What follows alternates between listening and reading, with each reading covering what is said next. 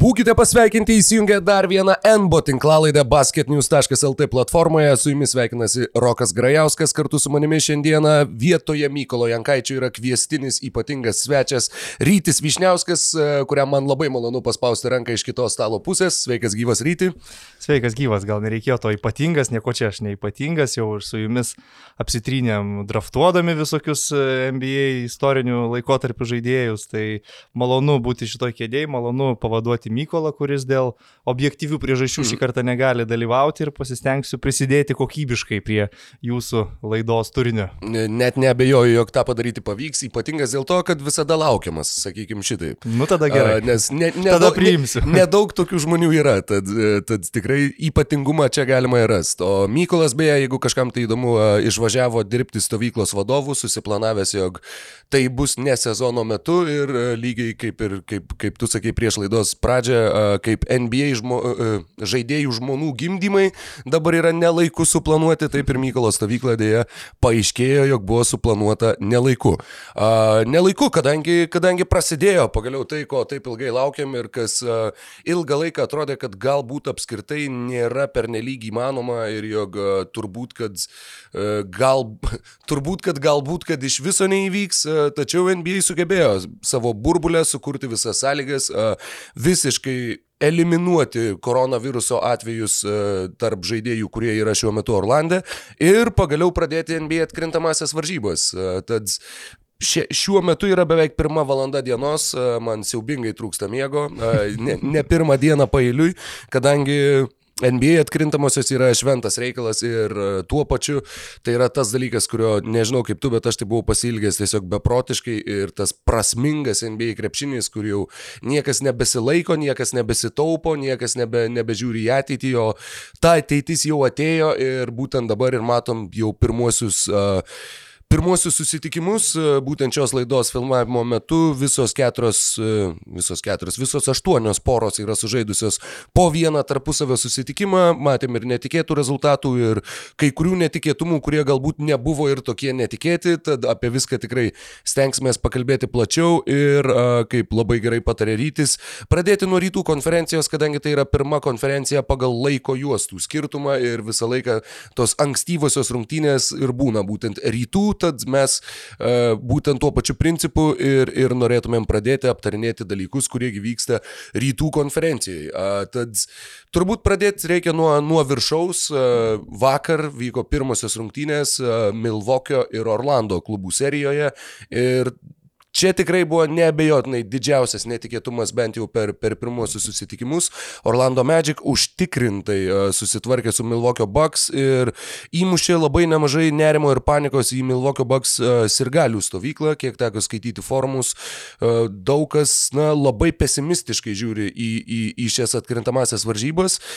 Kaip tau atrodo ryti, ar yra pagrindo tam pesimistiškumui ir, ir kas gilėjame tokį netikėtą pirmą pralaimėjimą 12 taškų skirtumų? Aš manau, kad pagrindo bus vėliau. Aš savo visose spėlionėse ir prognozėse esu įsirašęs ir viešai paskelbęs, kad uh, rytus laimės Toronto Raptors. Uh, Nemanau, kad to pagrindo labai daug bus būtent serijos su Orlandu. Aš galvoju, kad uh, viena krekždė dar ne pavasaris ir, ir tikrai Milvokis padarys tai, ką reikia. Man netgi prisiminimai iškyla iš praėjusių metų, kai Orlandas lygiai taip pat laimėjo pirmas rungtynės prieš Raptors Toronte, tada dar su tikru namų aikštelės pranašumu, su žiūrovais. Ir visi, nu ne visi, bet tikrai daug buvo kalbančių, kur vat, Raptors vėl gerą reguliarų sužaidė, vėl praranda pirmose rungtynėse namų aikštelę, bet kaip matom, Torontas paskui tapo NBA čempionais.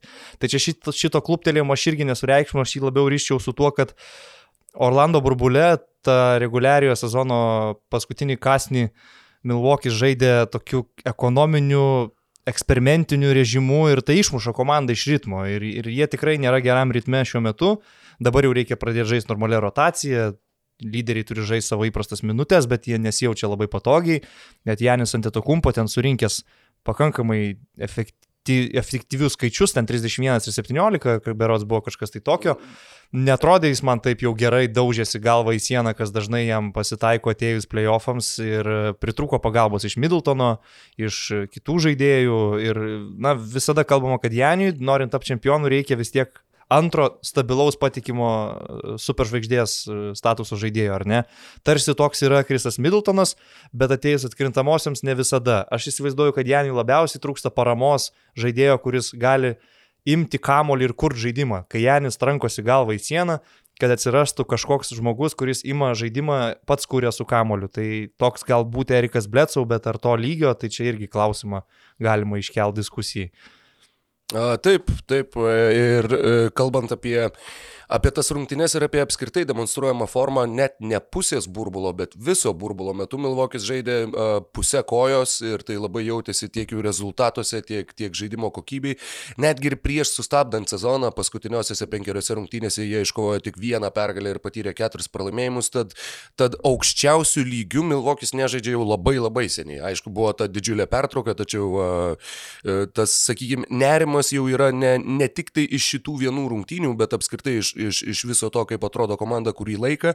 Ir uh, yra keli niuansai, sakykime, kurie yra stiprus šituo klausimu. Vienas iš jų yra tai, jog Maikas Budenholzeris, kad ir koks būtų nuostabus treneris ir kad ir kaip jo inicialai atitiktų dabar jo treniruojamo komandos, treniruojamos komandos pavadinimo, bet tai yra labai nelankstus treneris, kuris reguliariam sezone pasiekė labai gerus rezultatus, tačiau atkrintamosiose, tarkim, serijose, kur reikia atlikti pakeiti, pakeitimus tiek gynybos sistemos, tiek ir polimo sistemos, jisai dažniausiai lieka prie to, kas jam yra įprasta ir uh, dėl to buvo kritikuojamas ir anksčiau savo karjeroje ir dabar po šitų pirmų pralaimėtų rungtynių sulaukia dar daugiau kritikos, bet čia atsiranda ir kitas pavojus, tuomet to uh, per didelio sureagavimo ir, ir kažkokio nors to balanso, kaip minėjai, nelabai ir yra komandos žaidime, tačiau per didelis sureagavimas ir per didelis bandymas kažką keisti po pirmų rungtynių gali atsiliepti dar blogiau ir, ir išprovokuoti dar prastesnius rezultatus. O kalbant apie Krisą Middletoną, Krisas Middletonas šiame sezone tapo, dabar galvoju, ar tapo ar tikrai ar 100 procentų. 50, 40, 90 klubo narių renkant po 20 taškų bent jau per rungtynes. Ir tokių žaidėjų yra tik tai Kari, Durantas ir Berots dar kažkas vienas. Nu, ten ir rimta kompanija. A, taip, tačiau dar būtent, kad rinkti bent po 20 taškų. Tai žodžiu, tai yra e, elitinio efektyvumo uh, skaičiai. Bet vėlgi klausimas, kiek tų skaičių atsineš į playoffus, ar ne? Mhm. Reguliarus mm. sezonas yra viena istorija. Mes žinom, kad Janis Antetokumpo yra reguliariojo sezono lokomotyvas MVP, kuris keurai važiuoja pro visus, bet ateina playoffai ir pernai buvo ta pati istorija. Tai yra visai kitas krepšinis. Tai yra varžovas, kuris ruošiasi konkrečiai žaisti su tavim, ruošia konkrečią taktiką ir dar atlieka pakeitimus ilgos serijos metu, prie kurių turi prisitaikyti. O Janis, kaip, kaip bebūtų, turėdamas savo ribotuvą, tai yra metimą iš distancijos vis dar yra pažeidžiamas krepšininkas, ypač atkrintamosiose varžybose, kur daugiau taktikos ir daugiau tikros gynybos. Tai mes kalbam, aišku, dabar apie pralaimėjusią komandą, daugiau nei apie laimėjusią, bet galbūt reikėtų tarti žodį vis dėlto ir apie Orlando virukus.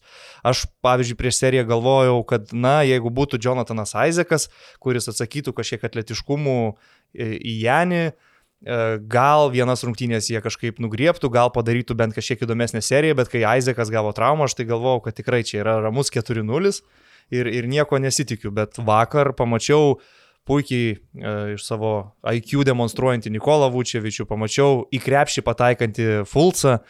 Evanas Furnie irgi turėjo savo momentų, savo metimų. Orlandas kaip aštuntos vietos komandai nėra tokie blogi, aš sakyčiau. Bruklinas yra septintas, kur atrodo pagal sudėti G lygos komanda plus keli NBA žaidėjai. O Taip. Magic, nu, nėra jie tokie jau labai blogi, kad galėtum juos visiškai nuvertinti, plus ir, ir, ir treneris Steve'as Cliffordas irgi toks priskiriamas prie uh, komandą valdančių žmonių, kurie moka sukurti sistemą, komandoje gal nėra labai didelių ego ir nuo to treneriui turbūt lengviau yra visus sustatyti. Minėjai, jog Jonathanas Isaacas nežaidžia uh, nežaidžia ne tik jisai, nėra ir uh, Mo Bambos, nėra ir Michaelo Carterio Williamso, bet, uh, nėra ir Alfaruko Aminų, kuris bet, apskritai ne, nedaug žaidė. Į burbulą net nevyko. Taip, Aizekas dar buvo burbulė, pradėjo ir taip, jau ir labai burbulė žaisdamas. Pirmose rungtynėse, jeigu, jeigu nesumeluosiu iš karto ir, ir uh, nusitraukė dar kartą kryžminius ryšius, tad labai gaila to jauno krepšininko, bet uh, turiu omeny, kad Orlandai yra daug žaidėjų, kurių trūksta ir nepaisant to, jie vis vieną sugebėjo išspausti išspausti iš savęs turbūt maksimumą tose pirmose rungtynėse. Steve'as Cliffordas ir yra tas treneris, kuris kiek, kiek teko kiek tenka stebėti NBA, jisai visą laiką treniravo komandas, kurios yra rytų konferencijos e, antros atkrintamųjų varžybų aštuoneto pusės e, ekipos ir dažniausiai jo komandos pasižymi tuo, jog metai iš metų e, jos mažiausiai klysta visoje lygoje, tad pasižymi labai disciplinuotų žaidimų puolime ir tuo pačiu kantriai dirba gynyboje, kas jiems leidžia pasiekti čiokius tokius rezultatus. Man, man labai patinka atsiprašau, kad pertrauksiu, Didžiai Augustinas, man jis yra toks grinai veteranas atkrintamųjų varžybų įžaidėjas ir kai aš jį, žiūriu jį su Orlando Magic marškinėliais, man šiek tiek kyla prisiminimų apie Džemirą Nelsoną, kurį turėdavo Orlando Magic, ir panašaus tokio kūno sudėjimo. Galbūt Džemyras toks truputį putlesnis. Šiek tiek stambesnis toks jo, bet yra panašumų ir žiūrint į jų sprendimų prieimimą ir tuos tritaškius po užtvarų, žaidžiant 2 prieš 2. Ir tikrai Didžiai Augustinas niekada ne, nepritempė visų žvaigždžių rungtynių lygio, bet e, aš ir atsidaręs jo statistiką, karjerą, matau labai stabilius skaičius. Tai yra toks žaidėjas be labai ba didelių bangavimų, keisdamas komandas, išlaiko tą patį lygį ir aštuntai rytų konferencijos komandai kaip įžaidėjas puikiai tinka, ypač turėdamas partnerį kaip, kaip Vučevičius penktoj pozicijoje. Tad šitoje serijoje klausimų turbūt visgi nebus. Milvokis nu, ne. atsakys greitai ir taip. ne, man atrodo, nereikia Ma... dramatizuoti šitų vienų rungtynių. Manau, kad visų mūsų spėjimus sujaukė Orlandas, kadangi turbūt, nežinau, 90 procentų sakėme, jog sausai laimės Milvokis, tad Orlandas jau viršijo lūkesčius, laimėdami pirmas rungtynės. Ir tuo pačiu gal žinai, ką gali žinot, galbūt tai yra kaip tik ženklas, jog visi būsimi NBA čempionai turi pralošti pirmas rungtynės prieš Orlandą. Būtų labai įdomus toks e, atitikimas, žiūrėsim, kaip viskas klostysis toliau. E, antra pora, taip pat žaidusi vakar, Miami Heat ir Indianos Pacers. Ir uh, vienas, vienas sakykime, toks mikroelementas, kuris man įstrigo stebint šitas rungtynes su, su TNT komentatoriais, buvo tai, jog ketvirtam kilinuke rezultatas dar buvo apylygis ir Pacers berots persverė rezultatą savo naudai, išeidinėja jie į pertraukėlę ir kad vienas iš komentatorių sako, ar mes matysim dar vieną sensaciją? Kai, kai teoriškai Indiana yra ketvirtoji vietoje, o Miamis yra penktoji vietoje. Tačiau Indianos pergalė netgi buvo traktuojama kaip galima sensacija. Jeigu tokia įvyktų, tad uh, Ar tai tikrai atspindi šitų komandų pajėgumą būtent iš šito vieno sakinio, ar visgi tai yra lygesnė serija, negu kad būtų galima įsivaizduoti? Nu, kad Pacers laimėtų vienas rungtynės, tai tikrai nėra sensacija, bet apskritai daug žmonių, su kuriais kalbėjau ir nesutinka su mano nuomonė, bet uh, Aš matau čia vieną akivaizdžiai geresnę komandą Miami Heat ir mano spėjimas yra 4-1 jų pergalė serijoje, pakankamai užtikrinta pergalė. Taip, vakar rungtynės nebuvo tokios jau lengvos, bet ketvirtas kelnys parodė, kas yra kas. E, vėlgi. Goranas Dragičius, oh, fantastika. Kaip, ir ne... Butleris taip pat taip. irgi sužaidė, sužaidė taip, kaip iš jo reikalaujama, ar ne? Butleris buvo pastarąjį savo tritaškį pataikęs kovo antrą. Ir ketvirtam keliui. Čia prieš irgi, pandemiją. Dar. E, jo, dar prieš. Ir tas burbulė nei vieno, ir dar, dar ir pandemija buvo tik nuo kovo 12 gal.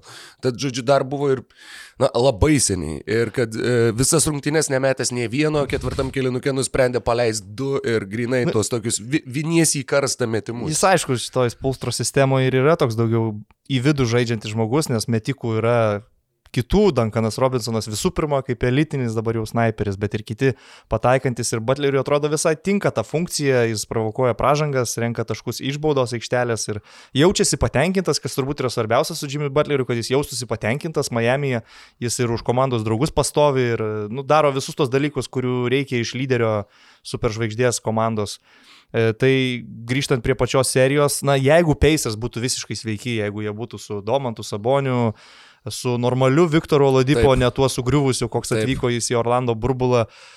Kalbėtume apie tikrą seriją, prognozuotume galbūt septynerias rungtynės, mm -hmm. didelę kovą. Dabar manau, kad Miami's turi visus kozirius savo rankose. Tai yra labai gerai pastatyta komanda su absoliučiai šio laikiškų centrų Bemo, Debajo, su metikais, Robinsonu, Tyleriu Hero nuo suolo. Nuo suolo pas juos kyla Dragičius, Tyleris Hero ir dar pridėtas dabar yra Andrėjai Godala, NBA čempionas. Tai Taip. yra puikus suolas. normalus antras penketas. Tik, uh, menka detalė, tačiau Dragičius startą žaidė šitose rungtynėse. Šį kartą. Taip. Šį kartą. Nu, bet mes jį žinom kaip šeštas žmogus. Taip, taip, šiam sezone buvo vienas geriausių šeštų žaidėjų. Jo, lygų, Kendrikas Nanas galbūt nepavadinsiu pagrindinių žaidėjų, bet starto penketo žmogus buvo mm.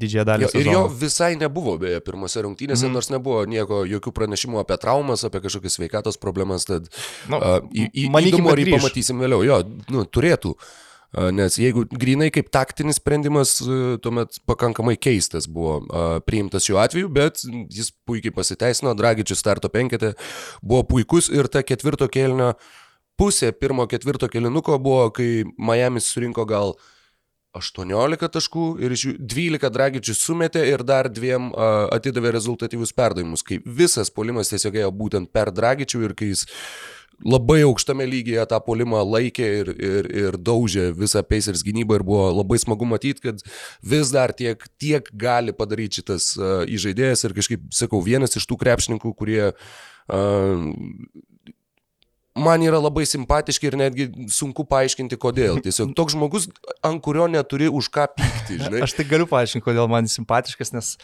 aš matau jame Tony Parkerio testinumą.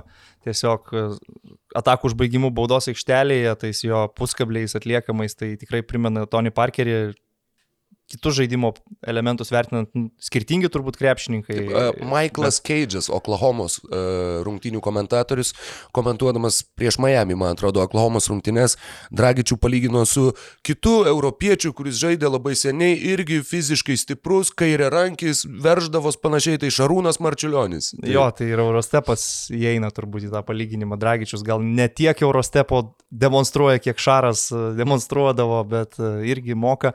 Ir kas svarbiausia, niekiek nėra praradęs dar savo geriausių savybių. E, žinom, kur jis yra stiprus, tai pirmas žingsnis, e, atviroji aikštelė žaidimas su kamoliu, 2 prieš 2 situacijos.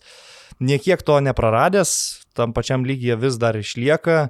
Galbūt čia padeda ir tai, kad netiek daug vasarų atidavė rinktiniai ir nepasitrumpino karjeros. Po 2017 aukso pasakė, kad viskas apskritai jau nebežais nacionalinėje rinktinėje. E, ir man dar patinka Miami'e tas geras balansas priekiniai linijai. Prie tokio raumenų kalno atleto Bemo Debajo yra visiškas IQ žaidėjas, praplečiantis polimą Kelio Linikas. Jie turi labai daug ginklų ir yra labai protingai sustatyta komanda ir Petas Railičias su Erikus Pulsra yra padaręs didelį darbą, kad visą tai turėtų Miami's, o Pacers jie geri, jie įdomus, bet jie sugriuvę. Tiesiog taip. Ir nu, aš, aš netikiu, kad jie gali labai daug padaryti šitoj serijai. Uh, visiškai to pritariu. Vienas dar uh, žmogus, kuris, kuris jau senokai, uh, kaip čia pasakius, negaliu sakyti, kad erzina, tačiau kurio žaidimas erzina uh, ir erzino ir tose pirmose rungtynėse. Ir Paceriam reikia daug didesnio jo indėlio yra Milesas Turneris, kuris ir vėl buvo visiškai tylus, blankus ir kurį tiesiog suvalgė Bemas Adebayo ir šitoje serijoje, jeigu, jeigu jam nieko nepavyks padaryti, tuomet taip pat Paceriam reikės e, atsakyti į daug klausimų savo šią vasarą, e, bet apskritai žiūrint, na taip, aš irgi visiškai tau pritariu, jog šitoje serijoje favoritas yra aiškus ir uh, sakė, jog pateikė įspėjimą 4-1, aš sakiau 4-0. Mm. Tai, uh, Na, nu, aš galvoju, vienas bus vis tiek TJ Warreno pasirodymas, kur sugebės laimėti rungtynės. Galbūt, Šiaip ten yra, galbūt... man, man irgi va, patinkančių žaidėjų, aš kalbėjau apie Heat, tai iš Pacersų man baisiai patinka Malcolmas Brogdonas. Aš labai norėčiau jį kada nors pamatyti su spars marškinėliais, nes man atrodo jis labai tinka sparsų krepšinio kultūrai pagal savo asmenybę ir žaidimo stilių. Toliau Justinas Holiday man yra labai įdomus atsiskleidęs krepšininkas, turi puikius duomenis. Porą metų jisai mane tiesiog varė iš proto. Justinas Holiday? Jo, buvo žaidėjas, kuris žaidžia įsivaizduodamas, kad jis varo kaip Jordanas. Jisai dar tuo metu Čikagoje. O dabar turi savo rolę, ar ne? Dabar taip, dabar Indijanoje apskritai Indijana ir Neitas Makmilanas yra tas treneris, kuris sukuria tas rolės žaidėjam ir kuris labai gražiai atrakina visus uh, tuos antraplanius krepšininkus. Uh, taip pat, kai žiūrėjau komentatoriai, neatsimenu, kas komentavo, bet sakė, jog uh, tai yra todėl, kad jisai pats buvo role player savo karjeroje ir todėl jisai va gali, žodžiu, jisai supranta tuos antraplanius žaidėjus, jisai žino, kaip juos įtraukti, kad jie jaustųsi uh, pilnavertišką komandos dalimi, kad, kad pilnai įsitrauktų į žaidimą ir jog, na, tiesiog pasirodė įdomi tokia teorija, jog uh, štai žaidėjas, kuris nebuvo žvaigždė, labai gerai jaučia, kaip nežvaigždės uh, mm. jaučiasi komandai. Uh, tad ne, neužsibūnant per nelik ilgai prie Miami ir Indianos, poros, kur ketvirta vieta yra, na, aukščiau likusi komanda yra laikoma outsiderė, kad ir kaip tai bebūtų paradoksalu, žygiuojam toliau ir turim antros ir septintos vietų. Sorry, dar namų aikštelės pranašumą turi ketvirta komanda. Namų aikštelės pranašumas taip. Šiais metais yra tiesiog, kur buvo tasai didžiulis Briano Windhorsto, man rodos, tekstas ESPN puslapyje, kaip Lakers štai po dešimties metų pertraukos yra pirma komanda vakaruos, tais metais, kai tai visiškai nieko nereiškia, visiškai jokios naudos iš to.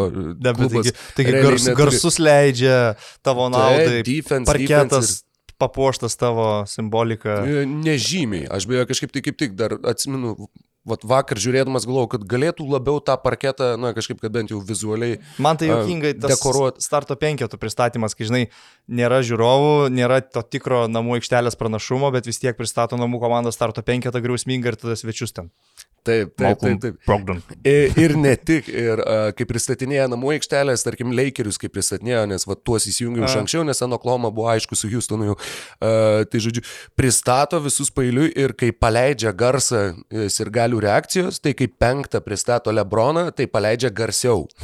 žodžiu, kad, kad tų ovacijų neva daugiau yra. Man tai visais tai, laikais labiau nei namų komandos pristatymas, bet ir patinka tas a six foot guard from Chicago. Ir su e, šita Star Wars e, Empire e, Strikes Back, kaip nuvis, kur... Tikrai labai efektingo tas namų, tai ten reikia ir tiek. Nu, ja. Beje, visai gražu buvo, kur pristatinėjo šeimos nariai, mm -hmm. vaikai Čia ir panašiai. Kelios komandos šitą darė. Man atrodo, Phoenixas buvo pirmi, kurie padarė. O paskui ir Raptors prieš Brooklyn. Raptors tikrai buvo, ja, ten kur. Uh, ir su šituo, su Raptorsų arenos pristatinėtojo pilnais tais sakiniais, būtent taip, kaip jisai pristato, kur ten, uh, ten mm. ūgis toks, toks, uh, coming from North Philly to your city, number seven, Lauri, jo du vaikai su jo marškinėliais šaukia, žinai. Tai pasirodė tikrai, kad visai, visai graži mintis ir, ir simpatiška idėja. Kadangi taip gražiai perinam prie Toronto, tai Toronto Toronto Raptors prieš Brooklyno Nets 134-110 Raptorių atkrintamųjų visų laikų rezultatyvumo rekordas 134 taškai, tuo pačiu 22 tritaškai, taip pat klubo rekordas. Tuo pačiu pirmas Raptors žaidėjas klubo istorijoje surinkęs bent 30 taškų 10 rezultatyvių perdavimų. Uh, Tose rungtynėse neabejotinas komandos lyderis Freddy Van Vlytas su būtent 30 taškų ir 11 rezultatyvių perdavimų. Serija, kurioje taip pat ko, ko galima, nežinau, tikėtis ir kaip, kaip savo surasti kažką, jeigu stebi tas rungtynes, kažką įdomaus, kažką, kas, kas intriguotų, kadangi veikiausiai čia, nežinau, maks penkerios rungtynės, ar ne?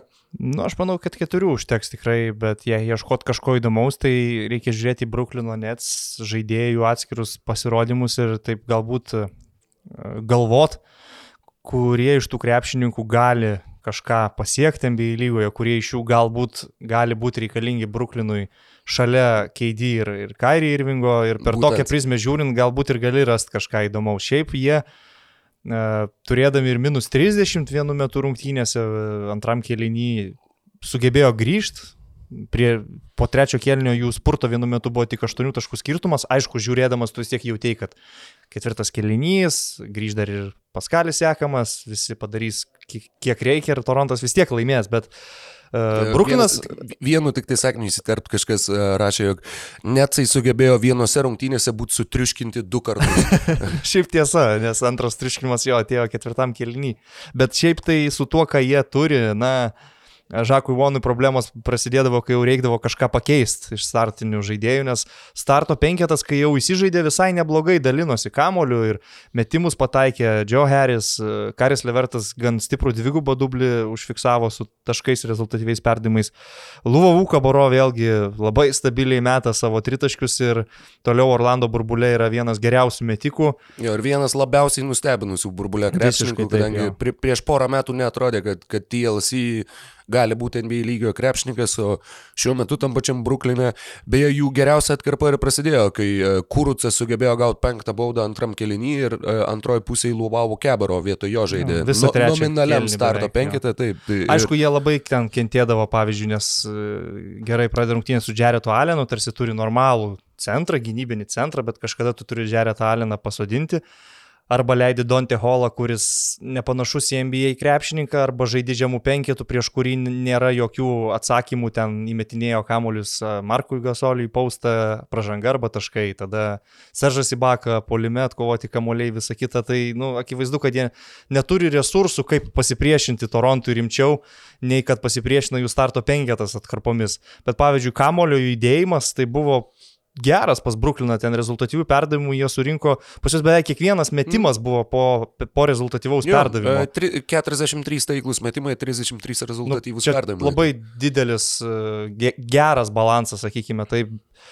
Ir vėlgi įdomu dar tai, kad, na, Žakas Monas yra laikinasis treneris šiuo metu gal net nėra favoritas treniruoti Bruklino jau tą tikrąją komandą kitame sezone, bet e, aš manau, kad jam labai svarbus šitas Orlando burbulas, galbūt kažką parodyti klubo vadovams, sprendimų prieimėjams.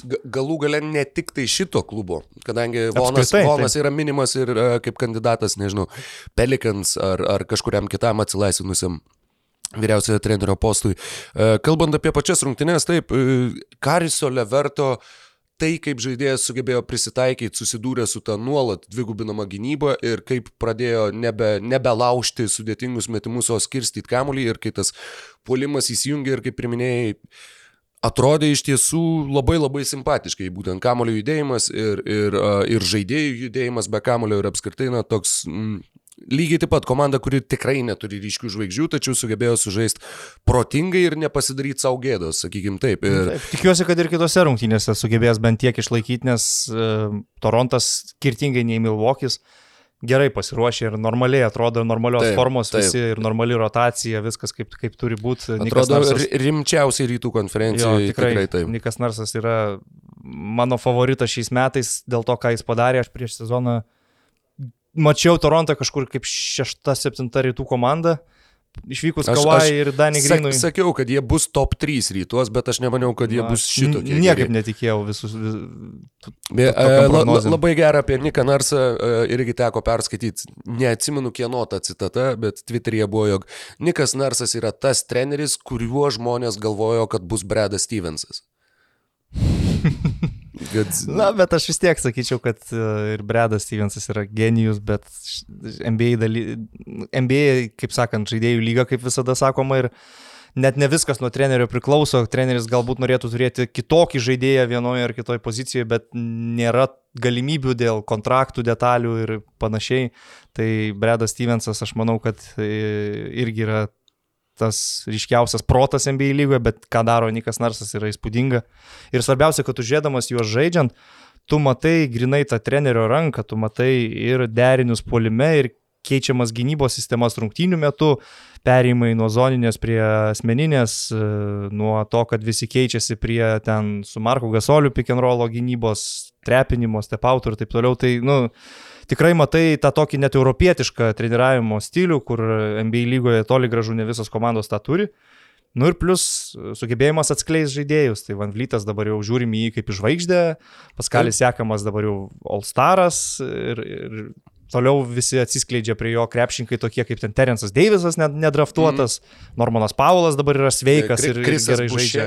Krisas Bušė, taip, irgi manau, kad per playoffus gali būti rungtynių, kur jis duos minučių. Ir apskritai manau, kad e, su Raptors visa žaidėjų, mm, žaidėjų tobulinimo sistema, tas pats Krisas Bušė po kokių poros ar trejato metų gali, gali būti labai rimtas žaidėjas ir būti vienu geriausiai besiginančiu krepšininku. 30 bus, kas stebina. Jo, a, jo, tu žiūri, jis, ir, taip, taip, taip. tu žiūri į aikštelę ir galvoji, kad, a, išleido šitą 21 vidurio polėją, mm. bet jam 27.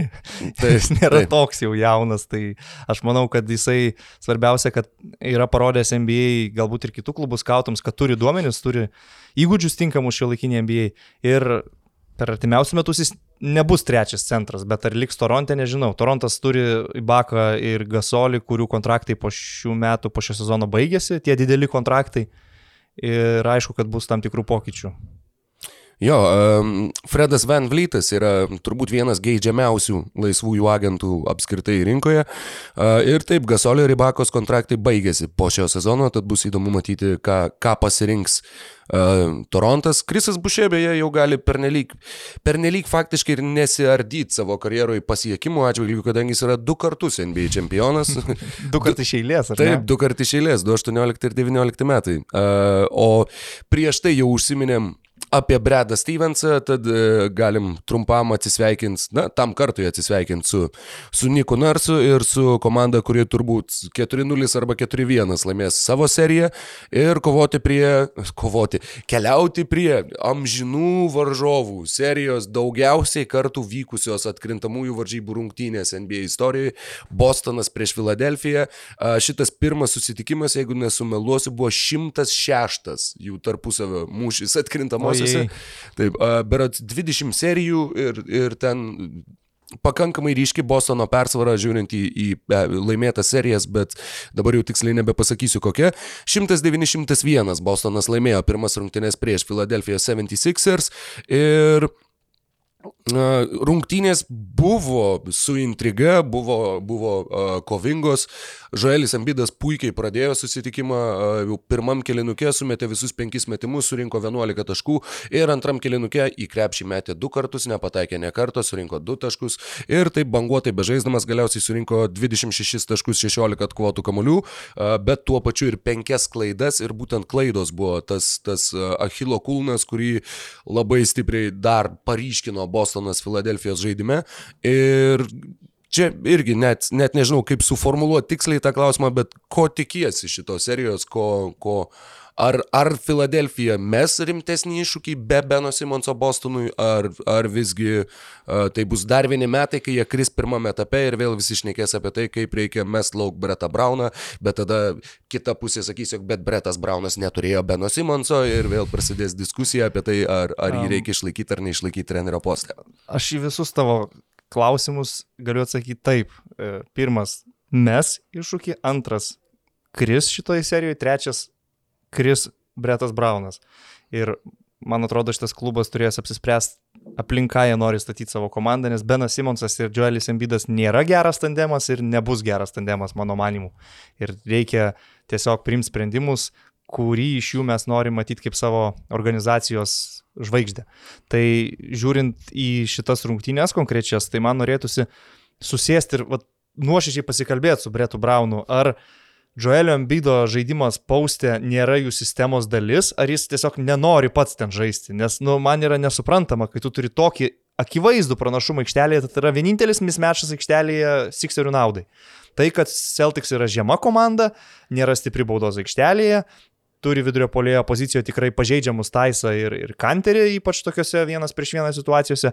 Ir Joelis Embidas per visą antrą rungtinių pusę gal kokius tris kartus gauna kamolį, taip jau kaip centras turi gauti į paustą giliai nugarai krepšį. Tai man labai įdomu, ar jų sistemoje nėra varianto žaisti per vidurio polėje baudos aikštelį, ar Džeris Embidas tiesiog nenori ir jisai daro savo dalykus? E, manau, kad abiejuose teiginiuose yra tiesos, bet turbūt, kad netgi antras yra, yra rimtesnė problema, mhm. nes Embidas jo labai mėgsta gauti kamuolį prie tritaškio, patrypčiot, bebumsint kamuolį ir tors labai tokių, na, apskritai Bretas Braunas atrodo kaip tas, tas treneris, kur uh, su tuo pačiu Benu Simonsu, kur sakė, va, tai aš labai, va, noriu, kad jis išmestų bent bent po vieną tritaškį per rungtynes. Nu, tai, tai gerai, tai liepk, tai tegul meta, bet kažkaip tars, atrodo, jog tie ryškiausi komandos žaidėjai, didžiausias komandos žvaigždės neklauso jo, ar tiesiog yra, kaip sako, išsijungia ir, ir nekreipia dėmesio, bet jau ne pirmi metai ta problema. Jo, man atrodo, yra... jisai ne, neišspaudžia iš tos komandos viso jos potencialo. Taip, galbūt tos dvi žvaigždės viena prie kitos netinka, tarp jų nėra sinergijos, galbūt žaidėjai nelimpa vienas prie kito, kaip, kaip sakoma, kad būtų gera komanda, turi žaidėjas A tik prie žaidėjo B, o tada žaidėjas C prie žaidėjų A ir B ir tik tada galima laimėti kažką. Tai Sixeriuose aš to gal ir nematau, bet šitose vienose rungtynėse aš pamačiau tą Bostono problemą, kuri jiems trukdys, manau, šitoj serijoje. Tai yra kova dėl atšokusių kamolių. Jiems kiekvienas atkovotas kamuolys po savo krepšių yra kaip didelė šventė, nes ten tiek reikia mušinėti viršui kapotis, trysia šokti ant vieno, nes jie labai kenčia nuo to. Ir tai bus visos serijos metu, nes žais tos pačios sudėtis, tos pačios komandos, jie ir toliau bus e, žema, greita atletiška komanda, o kiti ir toliau bus su Embidu ir Horfordu. Tai serija bus normali, aš manau, jeigu Dželis Embidas liks sveikas visos metu, jos metu, tai tikrai Sixers gali pasipriešinti, gali būti šešios rungtynės, o maža ką gal net septynios. Dar reikėtų pasakyti, ko nepaminėjom, kad Gordonas Haywardas nusileido ant, jo. ant varžovo kojos, išsisuko ant komandos ant draugo, komandos draugo jo, netgi, netgi, taip išsisuko čiurną, iškrito mažiausiai keturiom savaitėms. Aš šiaip manau, kad tai nėra toks didelis nuostolis, kaip galėtų atrodyti, nes mano akimis dabartinis Gordonas Haywardas Bostono sistemoje pagal įtaką žaidimui, tai yra tiek polimo, tiek e, gynyba, yra maždaug šeštas pagal svarbumą krepšininkas.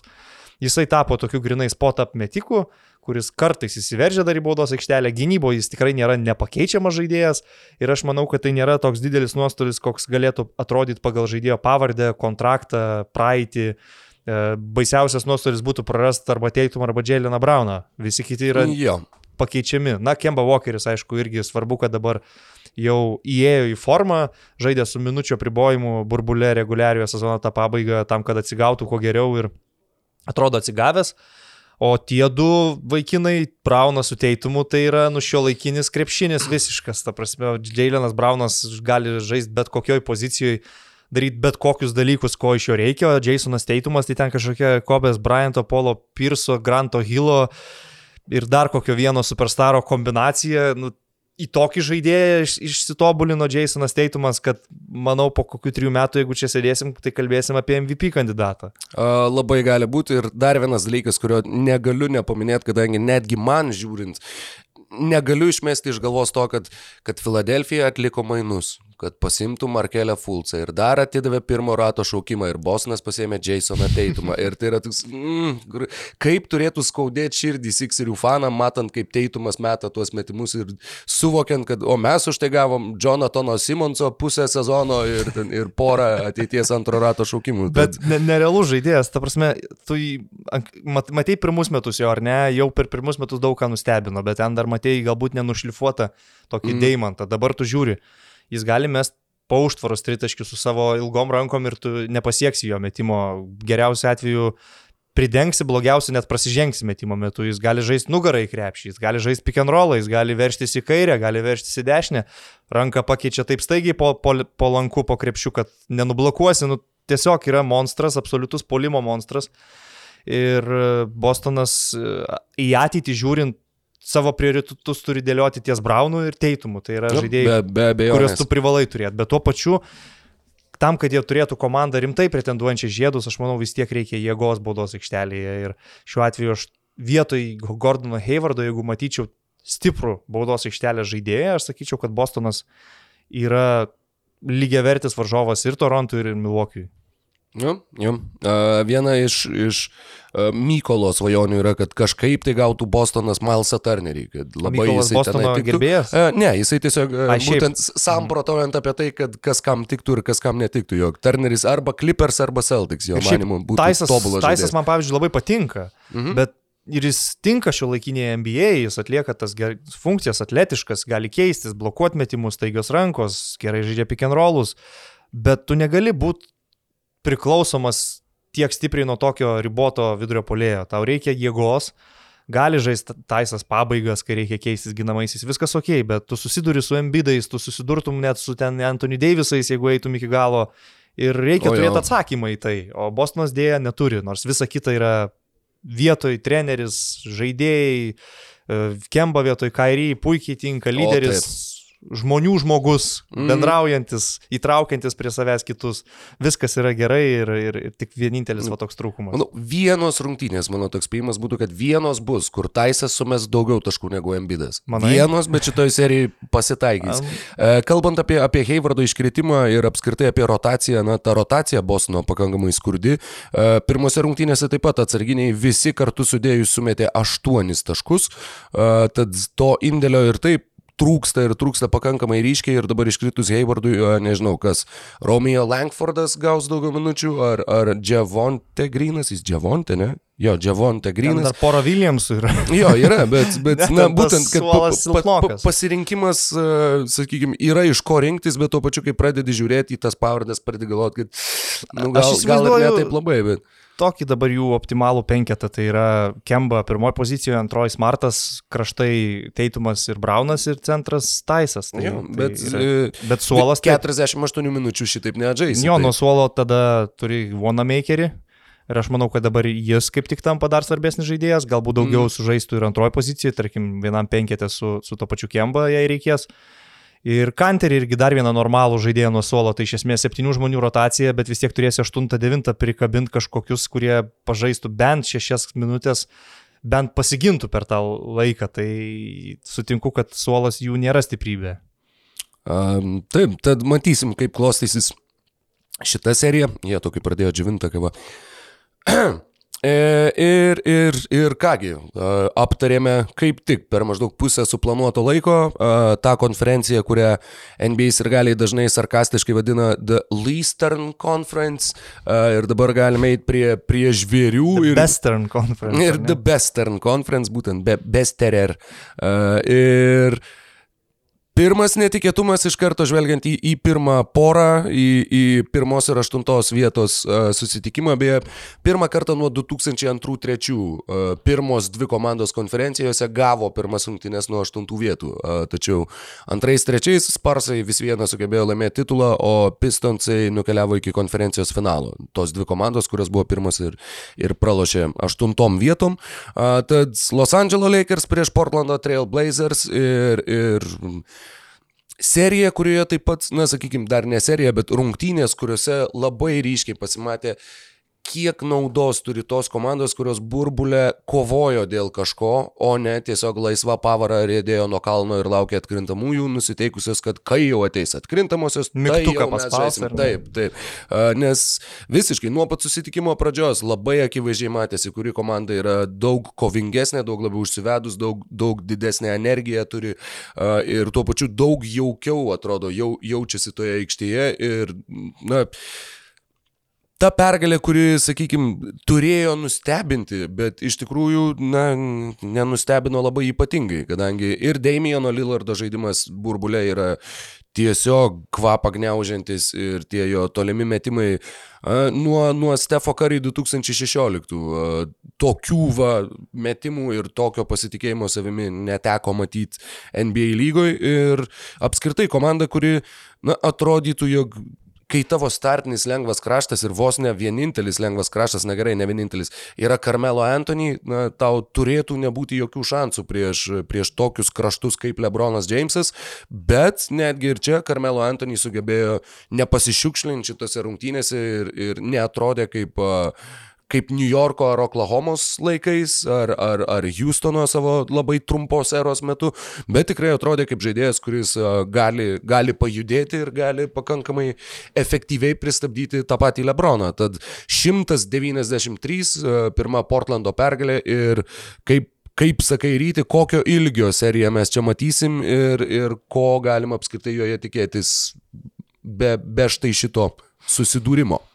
Aš manau, kad labai ger, gerai sudėlioja akcentus. Aš kol kas dar ketvirtos valandos ryto rungtynių žiūriu tik highlightus, bet iki tol viską žiūriu, ketvirtą ryto dar netapo mano tiesioginių stebėjimų, tai tu šiuo atveju esi matęs pilnas rungtynės, aš matęs tik tai extended iš tos ištestus highlights. Bet ir, ačiū Dievui, ne pusė šešių, bent jau tie. Nu, Anksčiau būdavo pusė šešių Los Andželo. Prieisiu jau prie to, kad žiūrėti ir tas ketvirtos valandos uh, rungtynės po truputį į atkrintamųjų režimą įeinu, nu kol kas po tris per dieną man irgi neblogai, e, bet kalbant grinai apie šitą seriją, galbūt mažiau apie vienas konkrečias rungtynės. Tai aš ir prieš tai galvojau, kad bus kova, sausos serijos neįsivaizdavau niekaip, bet Los Angeles ar 4-1 ar 4-2 vis tiek turi laimėti tą seriją, kad ir ką visi sakytų, kad ir kaip atrodytų gerai Blazers. Aš pasidžiaugsiu, kad Blazers būtent užėmė tą aštuntą vietą, nes jie labiausiai pasiruošę mest pirštinę, jie turi pavardės, jie turi talento, jie turi ir rotaciją, ir, ir, ir centrą, ir viena geriausių pirmų numerių lygoje ir šalia jo vis dar kažkiek pajėgų Karmelo ir CJ McCollumą, šalia ir Gary Trentą, puikiai atsiskleidusi Orlando burbulė kaip gynybos ir tritaškių specialistą. Tai jie viską kaip ir turi, bet aš manau, kad jie gynyboje vis tiek yra gan pažeidžiami ir bendrai, jeigu man pasakytų, kad vakar naktį Portlandas pelnė 100 taškų, tai mano pirmas spėjimas būtų, ai, tai Lakers laimėjo 122-100.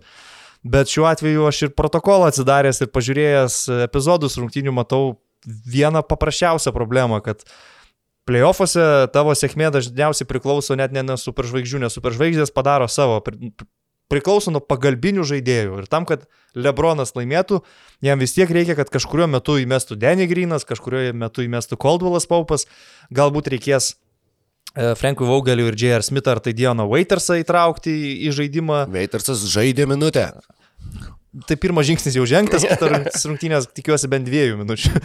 tai, nu, esmė, kad tie roliniai žaidėjai turi kažką pataikyti, nes Lebronas jiems visada sukurs, bet vakar jie nieko nepataikė. 5 iš 32 tritaškių. Tai, ir, na, tai nėra, sakykime, testinumą iš, išlaikysiantis skaičius. Jisai vis viena turi tą, tą deviaciją grįžti prie vidurkio ir a, tokių rungtynių tikriausiai nebematysim arba, arba matysim tikrai nedaug. Lebronas tai savo skaičius padarė vis tiek. Taip. Ir, ir Deivisas daug maž, ar ne? Bet visi kiti nesugebėjo pataikyti, net būdami laisvi labai gerose Taip. situacijose. Blazers nėra... Ir jie du irgi, jie e, Lebronas su AD kartu sudėjus pataikė vieną iš dešimt tritaškių, taip kad... E, bet jie kaip ir nėra metikai, tu, nu, jie turi kartais pataikyti ir gali, bet uh, žiūrėdamas tu matai, kad Denny Grinas yra tas sniperius, kuriam daro stagerius, išvedinėja ir jis turi įmest, ar ne? Nu, Lebronas uh, jau elgesi priklausomai nuo situacijos. Bet žaidė jis labai daug minučių, ar ne 40, 41 minutę, tai nėra geras ženklas Lakers, nes e, varginį Lebrono jau pirmam etape, jau pirmose rungtynėse žais tiek minučių.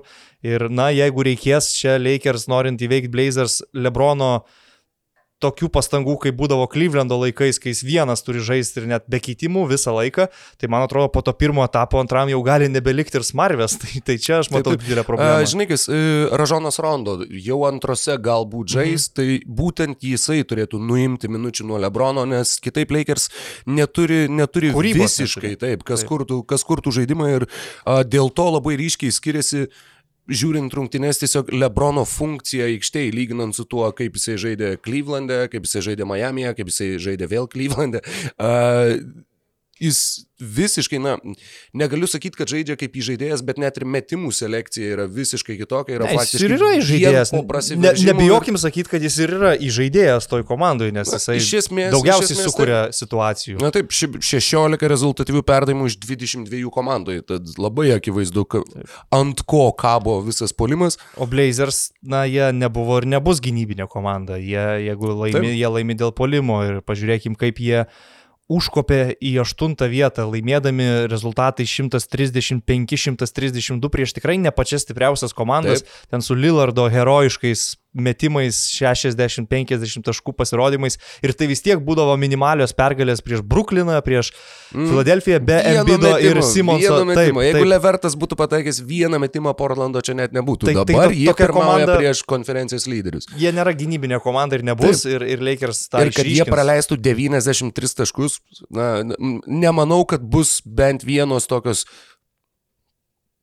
Jo, manau, kad taip, kad nebus nei vienų žemiau, daugiau rungtynių, jo, kur, nebus. kur leikeriai nesumestų šimto, bent jau. Kad taip. Veikiausiai, kad vis viena ta, ta, ta riba turėtų būti. Šiaip net apie Lillardą kalbant, tarkim, aš žiūrėjau tikrai didės, didesnę dalį tų Portlando rungtynių lipant į aštuntą vietą, tai jis labai ramiai pasidaro taškus, kai varžovai turi Kristapą Porzingį, pavyzdžiui, ar ne, ir tu atakuoji pick and rollais, Porzingis leidžiasi į baudos aikštelę gilin ir Lillardas po kiekvienos užtvaros ar Nurkičiaus ar Whiteside'o ramiai išsimeta tritaškį ir, ir taip surinka 61 tašką. Tai dabar tu žaidi prieš komandą, kuri turi Anthony Davisą, tos pačios pick and roll situacijas Lillardui nebėra tokios paprastos.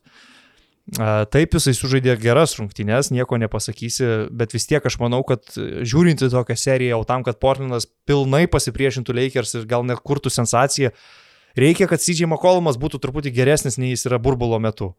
Jis bičias žaidžia su sulaužyta nugara. Nu tai va, tai klausimas, kiek jis gali būti geresnis, nes yep.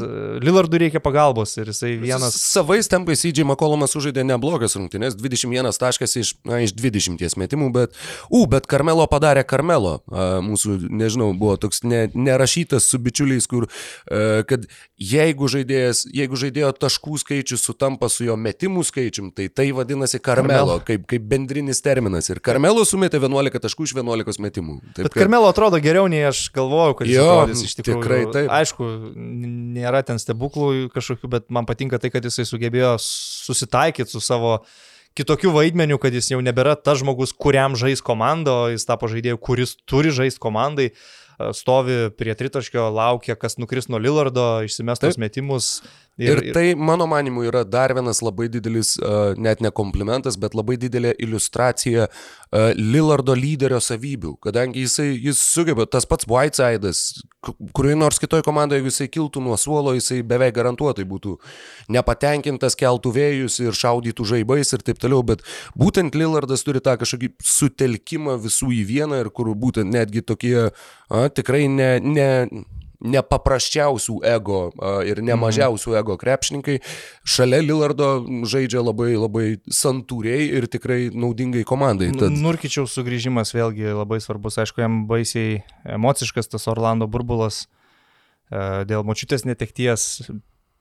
Vienas iš yep. tų žmonių, kurios tiesiogiai labai palėtė COVID-19 bet jis taip atrodo susifokusavęs į žaidimą po tokios labai ilgos pertraukos, jis daugiau nei metus nežaidė. Taip ir duoda daug iš tikrųjų šitai komandai ir viskas yra logiška, Whiteside'as nėra geresnis žaidėjas už Nurkičių, jis ir turi kilti nuo suolo. Va, vakar man rodos, jie kažkurio metu net ir vienam penketę kartų žaidė. Buvo, buvo, buvo tokių akimirkų. Uh, Venijanas Gabrielis, kuris žaidė starto penketę vietoj Zeko Collinso, anksti susirinko pražangų ir tada sprendimas, kurį priėmė Terry Stotsas, buvo kažkiek tai palaikyti abu du aikštėje Whiteside'ą su Nurkičiumi ir beje Lakers yra ta komanda, prieš kurią tą daryti galima, ypač kai aikštėje yra Anthony Davisas ir tradicinis vidurio polėjas arba Magija arba Howardas. Tad tai yra viena iš nedaugelio komandų, kur suleidęs Nurkičių su Whiteside'u, tu ne, ne, neturėtum tokio ryškaus, na, netvertum varžovam tokių mm -hmm. medžioklės plotų, ko, kokie, kokie galėtų būti. Nesu didelis gerbėjas tos idėjos, kad prie Deiviso pradžioj turi žaisti magijai ar Howardas turi žaisti kažkurio metu prie jo ir Deivisas turi slinktis į ketvirtą poziciją. Deivisas šio laikiniam krepšiniui yra penktas numeris, geriausias turbūt penktas numeris lygoje ir aplink tai reikia statyti komandos idėją. Ne... Bet jis pats labai nemėgsta žaisti penktų, jisai turi žaisti ketvirtų. Čia yra jo, jo paties uh, požiūrio taškas ir, na, sėkmės jam su juo. Na, serija, kuri tikrai, kurios neveltui laukiau tų pirmų rungtynių ir neveltui tikrai, sakau, Oklahoma su Houstonu truputį taip lūžinėjau, bet galvoju, ne, ne, reikia sulaukti, reikia sulaukti. Aš po Oklahoma pažiūrėti, kaip Portlandas trečio kėlinės pirmas. A, na, va, na ten, ten buvo galima eiti miegot kadangi Houston Rockets uh, plus 15 pirmose rungtynėse nupūtė Oklahoma ir, ir nutildė Oklahomos griaustinį.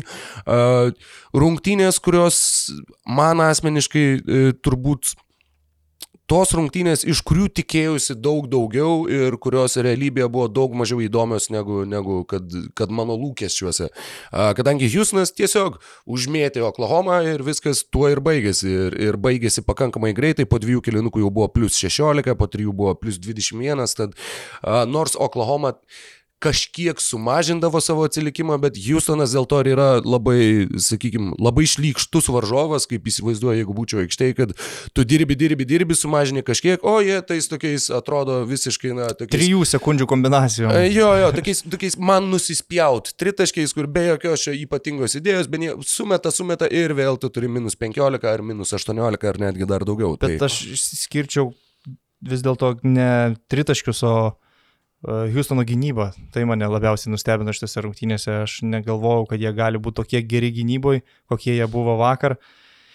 Ypač pirmoji rungtynių pusė, kur Oklahomos visos atakos pasibaigdavo blogų metimų, matematiškai blogų metimų, kad ten vienas ar kitas įkrito, kad galinariai kažkur per rankas pataikė, tai nesvarbiausia, bet esmė, kad Rockets gynyba priversdavo Oklahoma išsimesti tuos metimus, kurių nori Houstonas, kurių nori Maikas D'Antoni.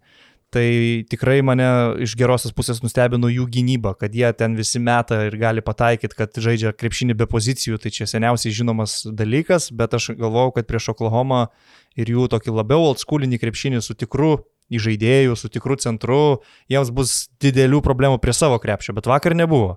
Stevenas Adamsas, tarkim, turėdamas ir ūgio, ir raumenų persvarą, nėra vis tiek tas techniškas centras, kur gerai žaidžia jo. nugarą ir jis ten gavęs kamolį apsuptas Gordonų ir Grynų, jausdavas dažnai nepatogiai, kažką surinko iš polimet kovotų kamolių, jo. bet, bet jam buvo gan sunku.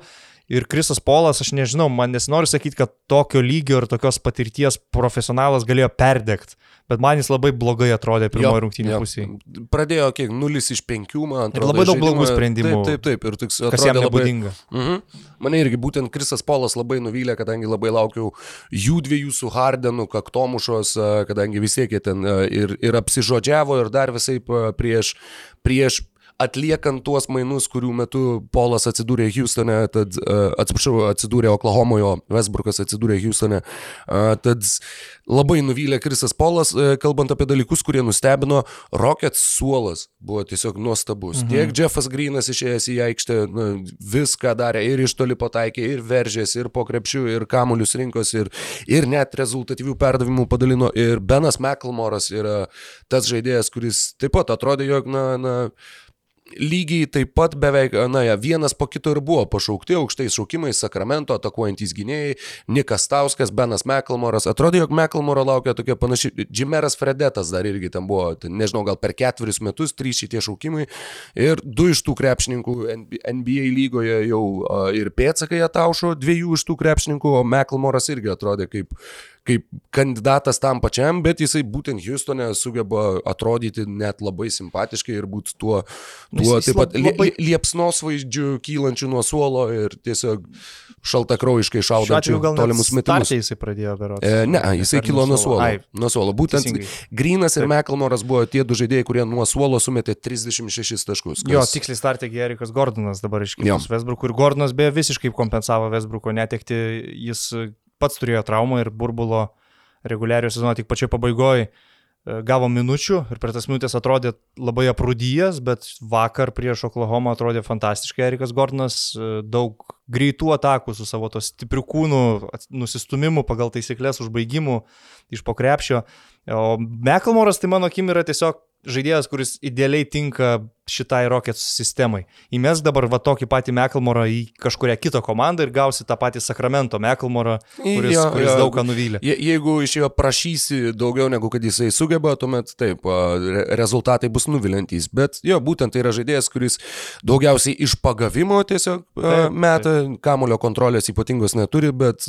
Šitą komandą moka, yra kam pakontroliuoti kamulį. Taip, tai taip, tikrai, stovėk tikrai ir lauk, netrūks. Stovėk ir lauk, gausi, mesi, pataikysi. Ir... Houstonas tik septynis kamuolius kamuolius prarado per visas rungtynes, taip pat įspūdingas skaičius, žaidžiant su Jamesu Hardenu, kuriam priklauso absoliutus klaidų rekordas atkrintamosiose varžybose, kurį be, beje beveik pakartojo Luka Dončičių savo debutinėse rungtynėse. Kas dar? Na, Aš prieš šitos serijos pradžią spėjau, jog Oklahoma laimės šitą seriją, bet jau pirmose rungtynėse man labai šitas tikėjimas susvyravo stipriai, bet... Man tai nesusviravo, žinok, aš, aš esu matęs per gyvenimą tiek playoffų serijų, kur pirmas rungtynės viena komanda laimi skambiai, ten 30 taškų kartais net, bet nereikia pamiršti, kad ar tu 30 laimėjai ar vienu, vis tiek yra 1-0. Taip. Ir taip, taip. aš vis dar manau, kad tai bus ilga serija ir vis dar tikiu, kad Oklahoma ją gali laimėti. Nemanau, kad Krisas Polas bus toks blogas dvi rungtynės iš eilės. Manau, kad jie irgi gavo informacijos iš pirmų rungtynių, ką patys darė ne taip ir Billy Donovanas turės prisitaikyti prie kai kurių žaidimo situacijų, manau, ir juos pačius išmušė iš vėžių ir nustebino būtent Rocketsų gynyba, tai buvo didžioji problema. Ir aš vis tiek galvoju, kad serija bus gera. Houstonas, na, mes žinom, tai yra akla analitika ir akla matematika. Ir aš, no, nors tu, nežinau, mušk bet netikiu, kad krepšinėje gali titulus laimėti vien matematika ir vien analitika.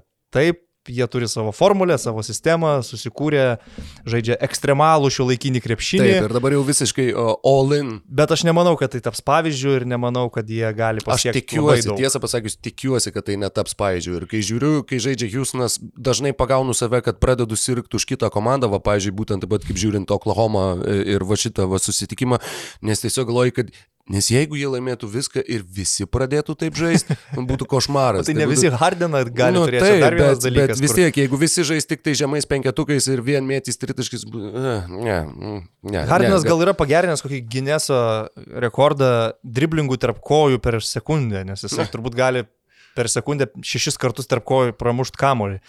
Ir taip žemai nuleidęs, driblinguoja, driblinguoja ir tu žinai, kad bet kuriuo metu bus tritaškis bet tuo pačiu, būdamas gynėjas, tu žinai, kad 50 procentų jog prasižengsiu, net nenorėdamas to, nes jis arba koja išmes į mane, arba ranką po metimo, va tai va paliks prieš mane, mm -hmm. vis tiek mm -hmm. kažkoks kontaktas bus ir teisėjas greičiausiai sušvilps. Tai blogiausias ta... deng žaidėjas, jeigu esi gynė, iš gynėjo perspektyvos, nėra blogesnio jo. deng žmogaus. Nustebino tai, kad tas žmogus, kuris, kuriam geriausiai sekėsi gintis prieš Harną, buvo Denisas Šriuderis, ko aš tikrai nesitikėjau. Ir tuo pačiu nustebino, kad Šriuderis polime buvo. Nu, jo nebuvo.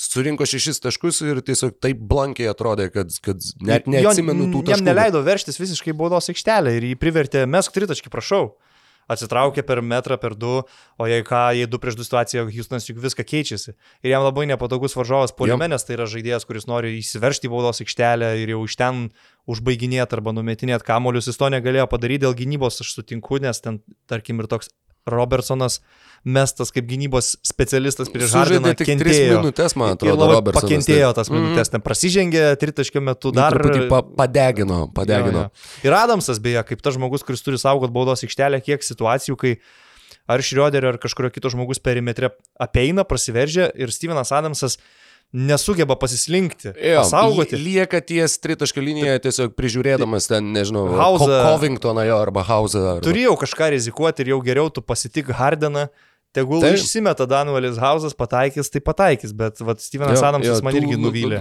Rizikos logikų truputį pritrūko, taip vietomis. Uh, turim labai nebedaug likusio laiko, uh, turim dar porą porų, kurias, kurias turim bent jau kažkaip lakoniškai apžvelgti. Denverio Nuggets prieš šitos jazz. Uh, pirmos rungtynės kurios apskritai atidarė atkrintamasis rungtynės su pratesimu, kurį laimėjo Denverio Nuggets 135-125 ir įspūdingas dviejų jaunų žaidėjų tarpusavio taškų karas ketvirtame kelinukė, kai Donovanas Mitčelas ir Džemalas Marai tiesiog vienas kitam atsakinėjo abiejose aikštės pusėse ir, ir iš ties uh, įsimintina sukūrė tą dvikovą.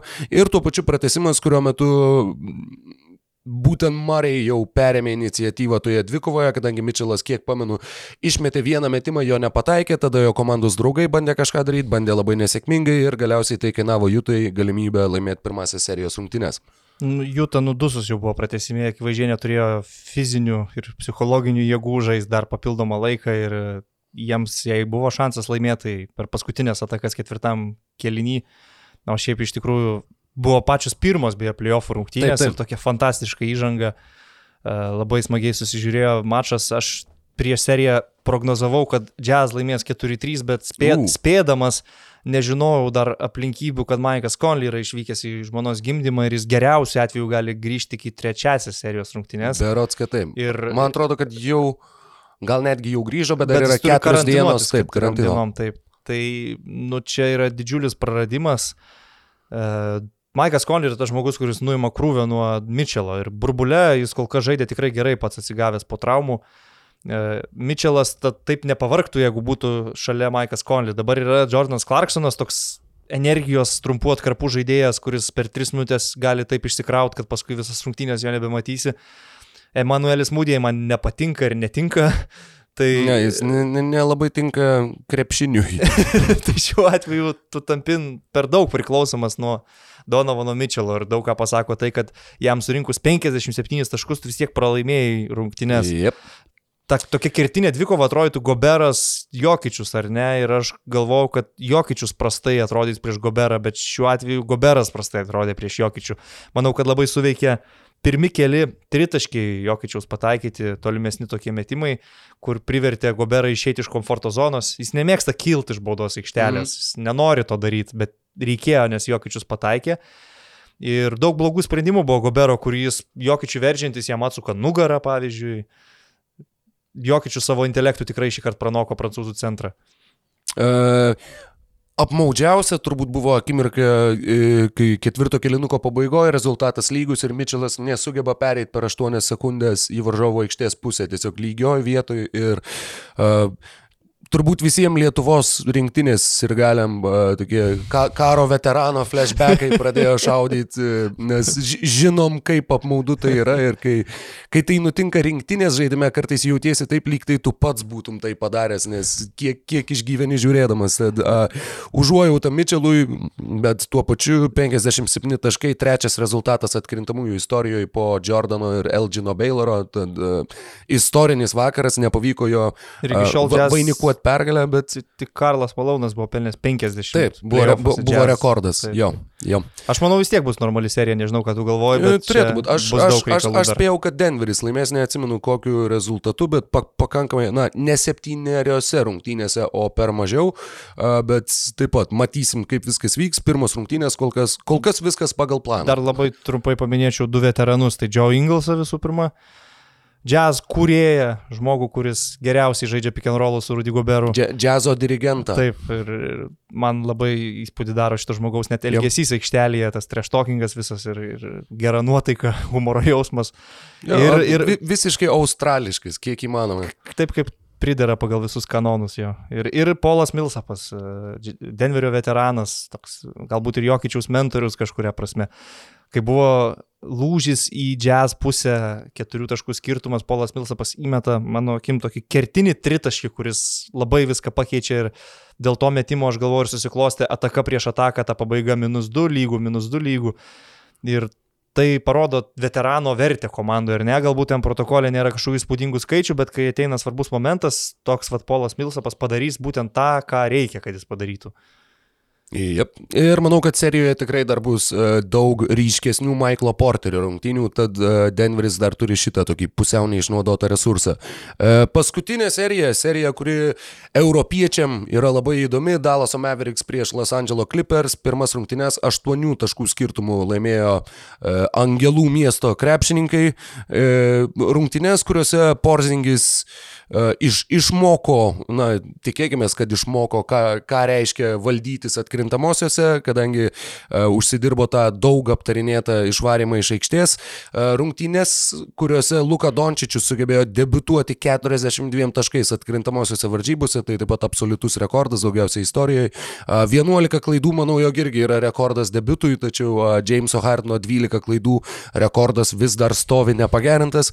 Ir rungtynės, kuriuose daug, sakykime, pamatėm, manau, kad daug pamatėm, kas laukia šitoj serijoje ir, ir uh, kiek neparankus varžovas Dalasui yra būtent Los Angeles Clippers ir kaip jiems bus sunku, tačiau uh, tuo pačiu kas per talentas yra Luka Dončičius, be abejo, žinojom visi ir iki šiol, bet šitos rungtynės dar sėki parodė, kad tai yra žmogus, kuris, na, su kuriuo reikia skaitytis ir reikia skaitytis dar labai ilgus metus. Būsimasis lygos MVP galbūt. Manau, kad taip. Kažkada ir netokio tolimoje ateityje.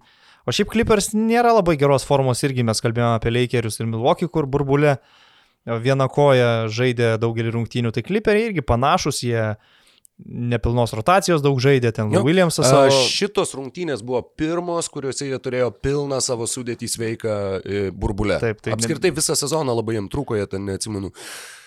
Buvo gal 11 rungtynių sužaidė ir 11 laimėjo, tada gal 12 gavo ir tada buvo sezonas nutrauktas, kalbant būtent apie tai, pilną sudėtį ir planuotą startą. Burbulėje burbulė tokie išsiderinę dar kol kas mano akimis, nes daug žaidė be Lou Williamso, be Montrezlo, Herelo. Be Patriko Beverly. Nors šiaip jeigu yra visi sveiki ir visose savo vietose, tai yra, manau, giliausia komanda ir geriausiai apstatyta komanda visoje lygoje šiuo metu. Taip, ir, ir netgi sakyčiau, kad per pakankamai ilgą laiką, nes kiek, kiek, kiek atsimenu būtent, kad ir ir suolas būtų toks, ir kad visose pozicijose, ir kad šitiek pasirinkimų. Dešimtas turės... ar vienuoliktas netgi žaidėjas yra pajėgus. Tai kaip pažiūrėjau, va, į Bostoną, pavyzdžiui, solelį, kur kalbėjom, kad ten po septinto žmogaus jau baigėsi viskas, tai čia dešimtas, geras ir dar vienuoliktą gali integruoti.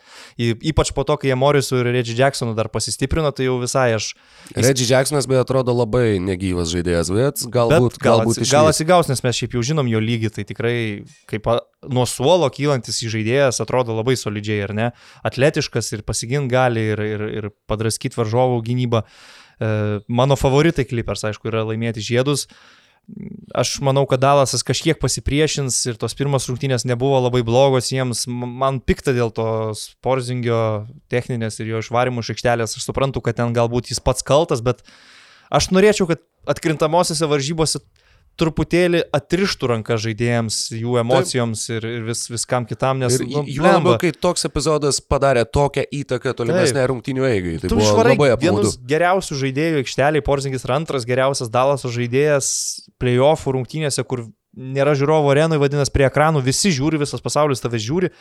Ir kam gadint produktą su va, tokiom techninėm? Jo, jo. Na, bet e, ten teoriškai viskas buvo pagal taisyklės ir e, tas pats Steve'as Džiavy ten pagrindė, kodėl būtent taip ir kodėl čia. Žinai, man čia teisėjai futbolą teisingai. Bet... Primena, kur paskiria absurdišką baudinį, iš kurio juokėsi visas pasaulis, bet tada pritempė kokią nors taisyklės raidę, kad čia taip turėjo būti geras taip, taip. sprendimas ir maždaug jūs gyvenkit su tuo ir priimkit, kad čia teisingai. Aš nemanau, kad čia yra teisingai ir nenorėčiau, kad E, taip spręstusi situacijos atkrintamosiose, bet, nu, okei, okay, buvo, pražuvo, išvarė porzingį, pralaimėjo, bet nebuvo viskas taip blogai.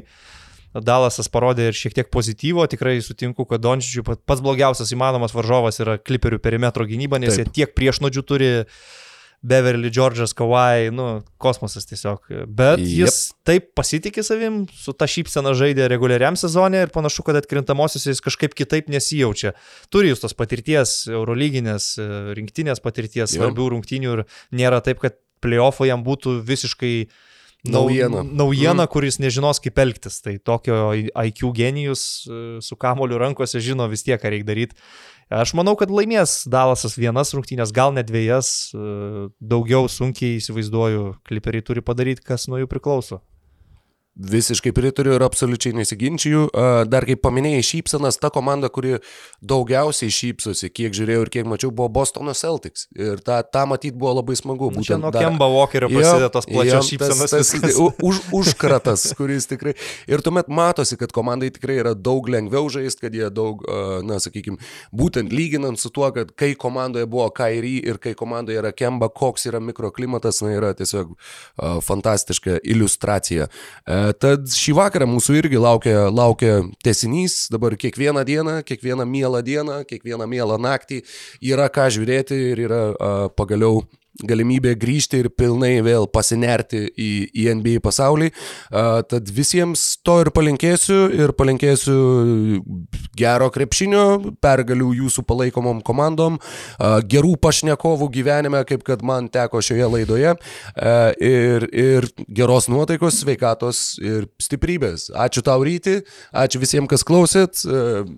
Ir susiklausysim kitose NBO tinklalaidėse laimingai. Iki.